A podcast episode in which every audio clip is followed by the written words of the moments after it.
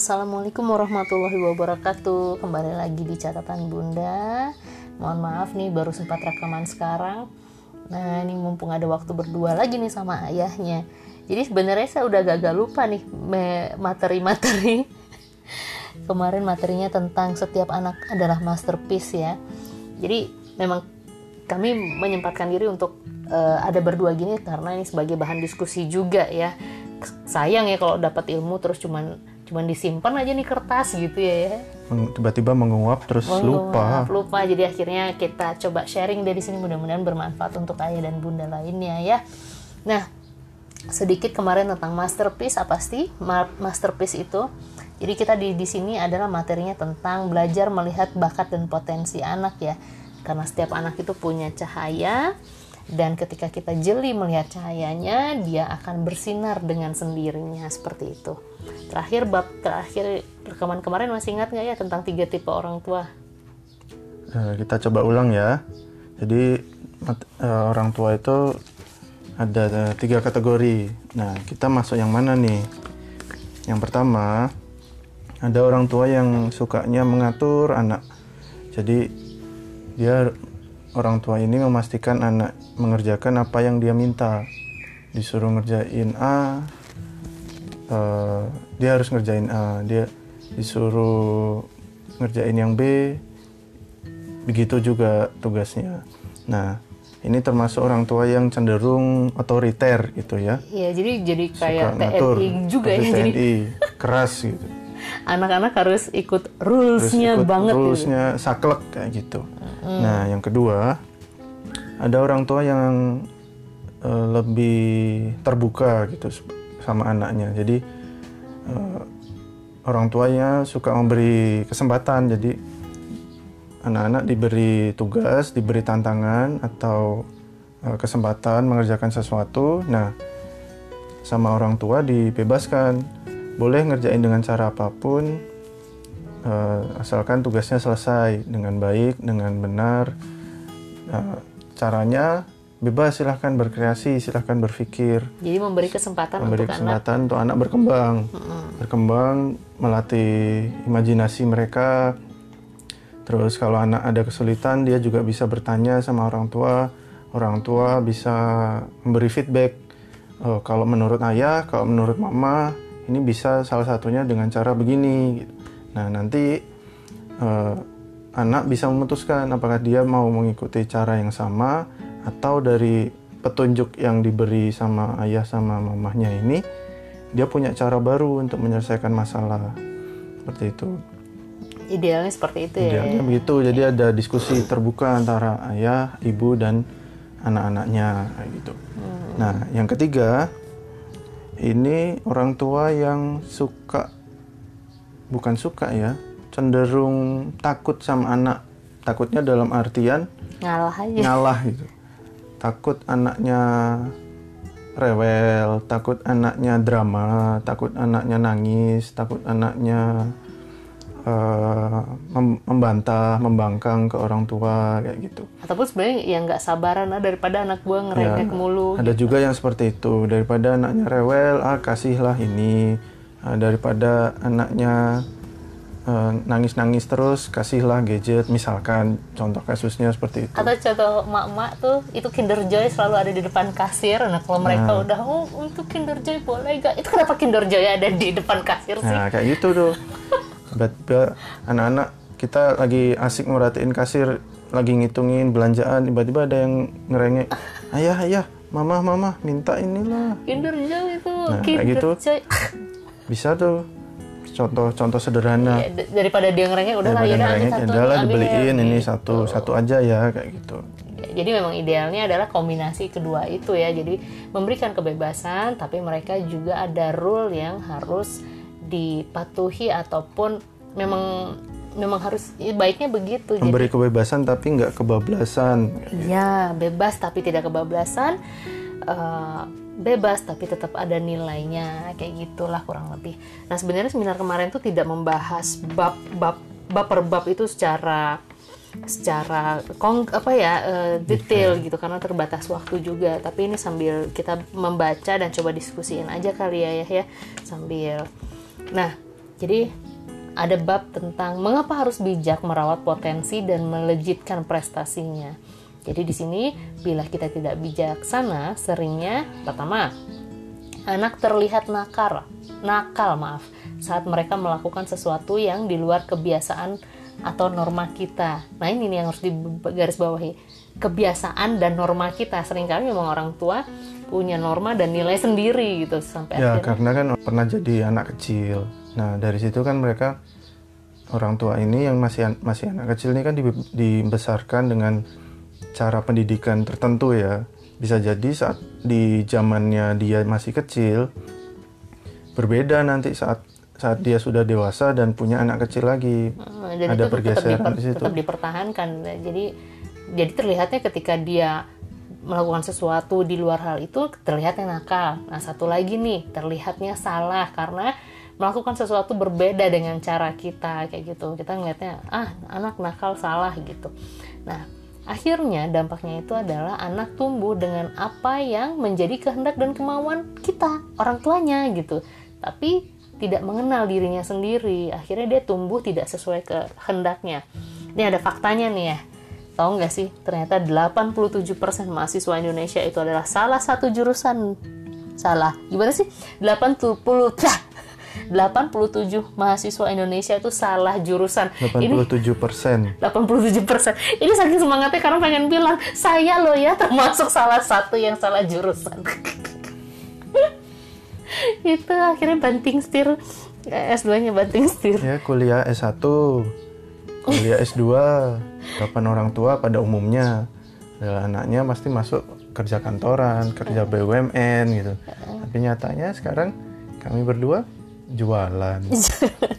Jadi karena tidak tahu eh, apa maunya gitu. Terus akhirnya akhirnya anak tuh banyak yang katanya katanya. Eh tapi kita ngomong gini bukan bermaksud untuk menyalahkan pola asuh orang tua kita ya. Bukan, ini Karena hanya memang yang terjadi sama kita aja. eh, Tapi dan ambil ambil positifnya aja. Ya, eh, eh. Kalau ada negatifnya nggak usah diikutin kayak gitu ya. Iya. Jadi dengerin ini harus pakai filter ya, jangan Iya, jangan diblong-blongin aja apa yang kita sampaikan langsung diikutin, jangan. Tetap ada filternya, tetap Atau ada juga kita ngobrol kayak gini kan diskusi ya. Terus kemudian 7 dari 10 anak di usia pemuda belum mengenali dirinya.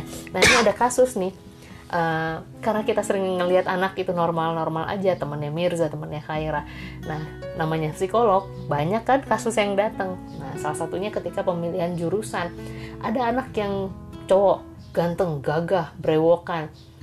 Kemudian sama akhirnya sama ibunya, ayo kamu bilang ke psikolognya, kamu tuh pengennya ambil jurusan apa? Kebayang ya, ganteng, gagah, brewokan.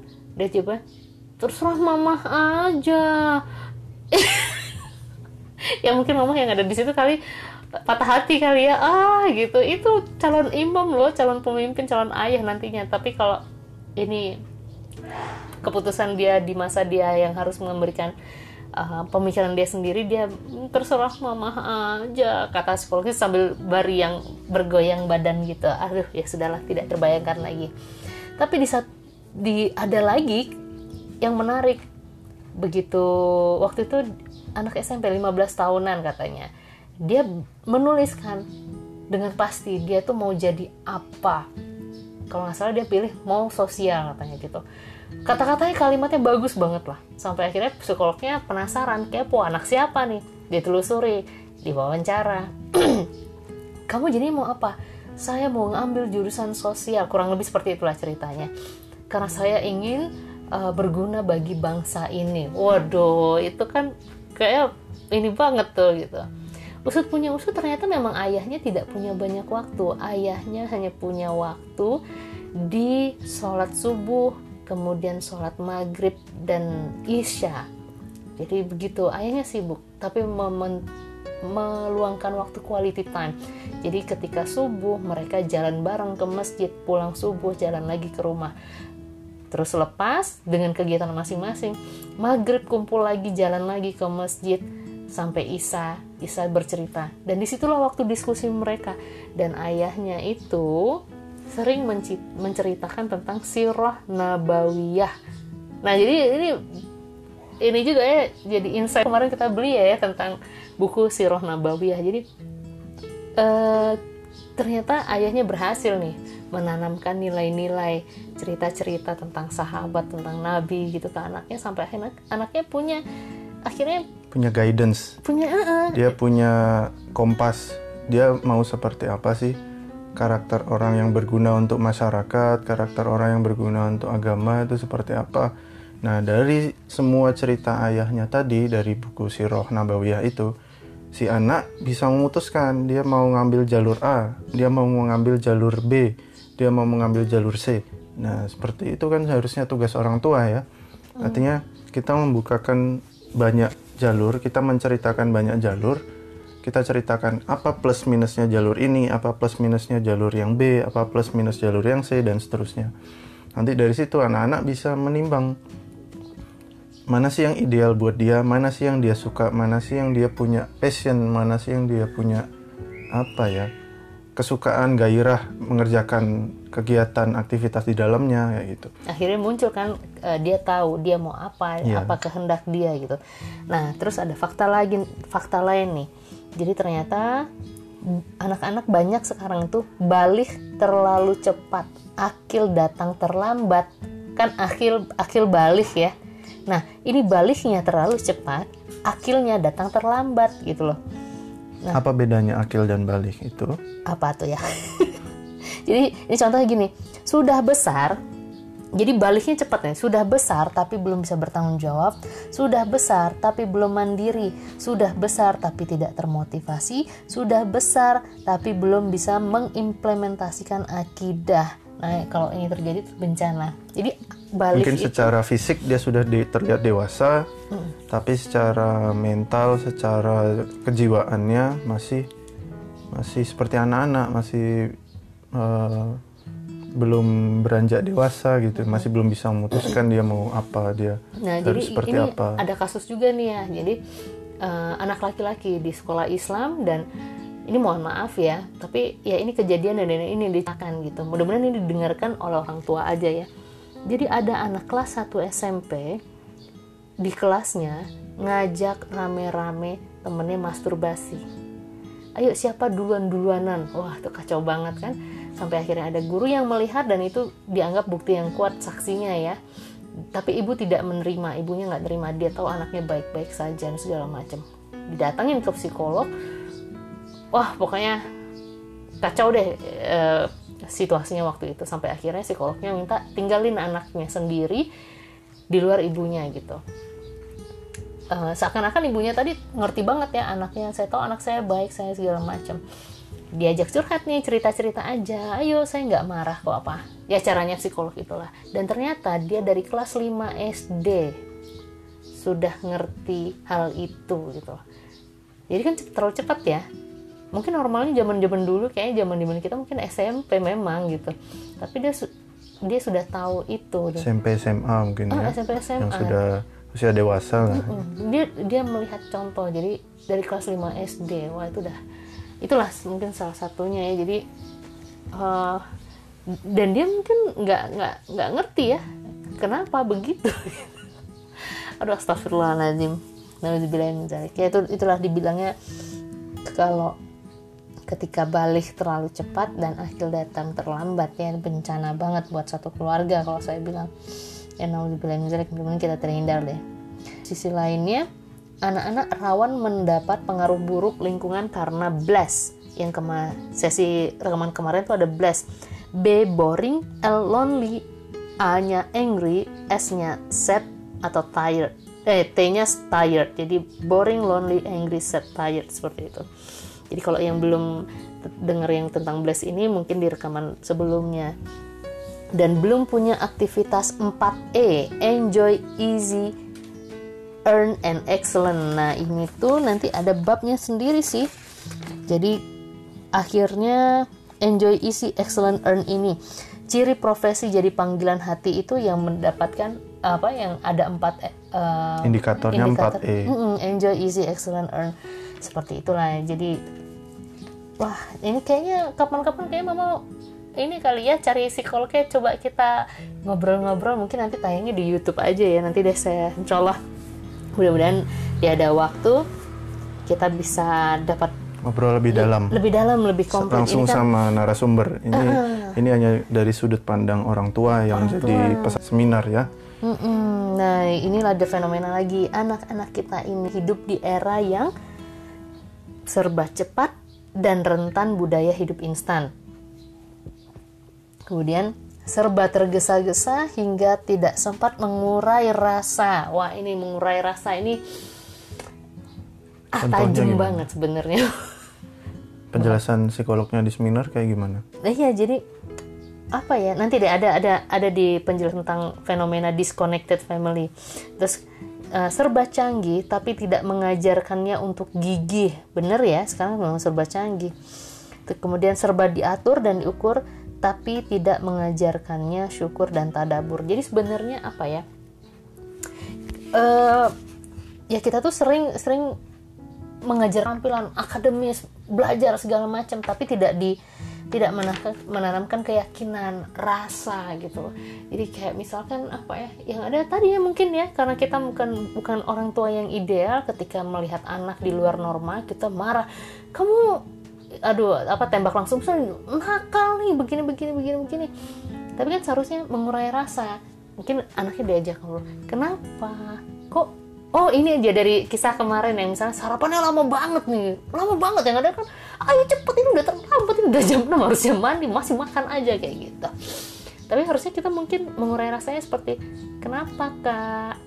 Eh, telur dadarnya keasinan gitu kan atau apa nasinya nasi goreng buatan mama nggak seenak biasanya gitu kan? Itu me- me- melatih kepekaan rasa anak-anak. Ah, jadi maksudnya anak juga punya kesempatan. Bisa jadi enggak sih ma mungkin Mirza pernah maksudnya enggak makanannya ini ternyata dia mual gitu kan? Bisa jadi gitu kan?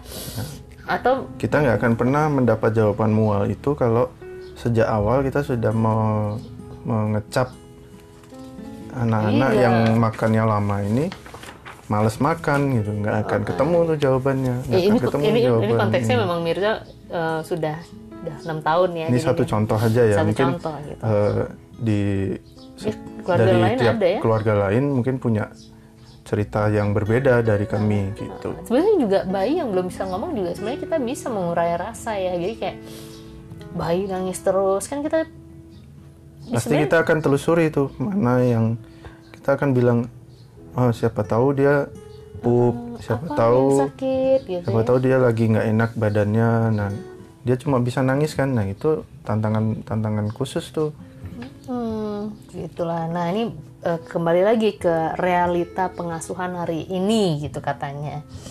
Jadi orang tua yang pertama nih, orang tua yang tidak siap atau tidak sadar dirinya menjadi orang tua, gitu. Jadi orang tua yang tidak siap atau tidak sadar dirinya menjadi orang tua. Ya mungkin karena banyak hal kali ya apa terlalu muda apa sibuk sama pekerjaan dan lain-lain gitu. Banyak faktor lah. Banyak faktor. Yang terus kedua orang tua menyerahkan pengasuhan sepenuhnya pada orang lain. Nah ini di mata ma- di dengan mata kepala saya sendiri juga sering melihat gitu ya diserahkan ke nenek serahkan ke pengasuh. Sebenarnya itu oke itu punya tiap keluarga mungkin punya punya eh, cara, sendiri. Mm-mm. tapi memang ada loh mak- maksudnya ya kita berdua ya lihat yang benar-benar itu diserahkan ke ke babysitternya atau ke neneknya gitu dan saya orang tuanya hanya fokus bekerja saja gitu. Pulang misalkan saat eh, misalkan yang umum ya yang kita lihat Senin sampai Jumat kerja setelah itu baru pulang ketemu sama anak-anak. Jadi waktunya hanya di Sabtu Minggu misalkan kayak gitu. Hmm, jadi itu fenomena ya. Jadi kita nggak menceritakan orang lain lah. Memang memang ternyata ini kan ini kan mereka melakukan penelitian kan ya sampai akhirnya keluarlah si tipe-tipe pengasuhan seperti ini. Yang ketiga peran ayah dan bunda banyak tertukar. Eh, ini ini ada juga nih waktu beberapa waktu yang lalu seminar sampai seorang ibu eh, bertanya tapi sambil nangis. Hampir menangis karena suaranya udah berubah yang dia bilang eh, suaminya tipe tidak tegaan dan segala macam. Jadi dia ambil alih kayak ngambil keputusan segala macam ya kayak gitu. Ternyata ada fenomena seperti itu. Yang keempat hilangnya peran ayah. Wah ini kayaknya juga udah banyak juga ya kejadian sebenarnya. Hilang peran cerita psikolognya kayak gimana tuh yang Kalau hilangnya hilang peran, peran ayah? ayah- contohnya kebanyakan sih yang LDR ya cuman nantilah kita bag ya, ya ini lagi eh, bahas Ya, ada lagi nanti. Nah terus yang kelima ini mama selesaiin dulu ada tujuh pengasuhan eh, yang Tipe terjadi. pengasuhan. Mm-mm. tadi yang keempat hilangnya peran ayah yang kelima pengasuhan tergantikan gadget. Alah ini udah makanan hari-hari kali kita juga sekali-kali ada ya yang ngasih begituan. Terus yang keenam pembebanan yang tidak sesuai dengan usia anak. Jadi oh baru kemarin tuh. Ada anak TKA harusnya po mereka menerima anak itu di TKA 3 tahun 10 bulan tapi ada yang masukin 3 tahun 6 bulan. Dan masukin ke situ harus melalui surat ada surat perjanjian. ada surat perjanjian. Itu kan Nah itu nggak tahu kenapa keburu-buru banget ya masukin sekolah anak karena usia 3 tahun 6 bulan udah harus sekolah itu udah ada rules kan udah ada aturan. Ah, itu nggak ngerti juga sih kenapa ya. Terus yang terakhir pendidikan terlalu berorientasi ke akademik kayak gitu. Jadi nilai cuma jadi tolak ukur satu-satunya tolak ini ukur. sih udah udah Keberas- udah untuk jadi keberhasilan ini sih bukan realita pengasuhan hari ini ya dari tahun-tahun zaman jebot juga. Zaman kita kecil udah udah memang orientasinya ke orientasinya ke sini. seperti itu di Indonesia ya. Mm-mm. ya kurang lebih kayak gitu dulu kali ya. Nanti ada ada bab berikutnya mungkin berikutnya ini bab terakhir nih. Ini membicarakan tentang fitrah. Fitrah. Jadi ada surat arum arum itu surat 30 ya. Ayat 30 jadi eh, artinya maka hadapkanlah wajahmu dengan lurus kepada agama Allah. Tetaplah atas fitrah Allah yang telah menciptakan manusia menurut fitrah itu. Tidak ada perubahan pada fitrah Allah. Itulah agama yang lurus tetapi kebanyakan manusia tidak mengetahuinya. Nah ini kurang lebih nanti kita ngebahas deh fitrahnya. Karena ternyata ayah itu ada fitrahnya anak dan istri atau ibu itu ada fitrah yang sudah diinstalkan Allah ke kita. Dan kita tinggal menjalankan fitrah itu aja gitu. Itu deh. Next ya. Mudah-mudahan ada waktu lagi. Ini mumpung nantikan anak-anak di tidur. podcast episode selanjutnya ya. Iya mudah-mudahan kita bisa create dalam waktu dekat Uh, uh, mudah-mudahan deh. Atau nanti kalau uh, ada waktu senggang kita rekam lagi nanti malam mungkin gitu. Terima kasih banyak ya sudah mendengarkan kami. Kalau misalnya ada komen atau pertanyaan monggo silahkan kami terbuka. Dan justru siapa tahu bisa jadi nambah ilmu juga ya. Ternyata misalkan ah saya nggak setuju nih ngomongnya begini nih. Atau ini maksudnya apa sih tadi yang diomongin? Bagian apa? Seperti itu. Ya ya ya ya Oke, segitu dulu ya. Terima kasih Ayah Bunda. Assalamualaikum warahmatullahi wabarakatuh.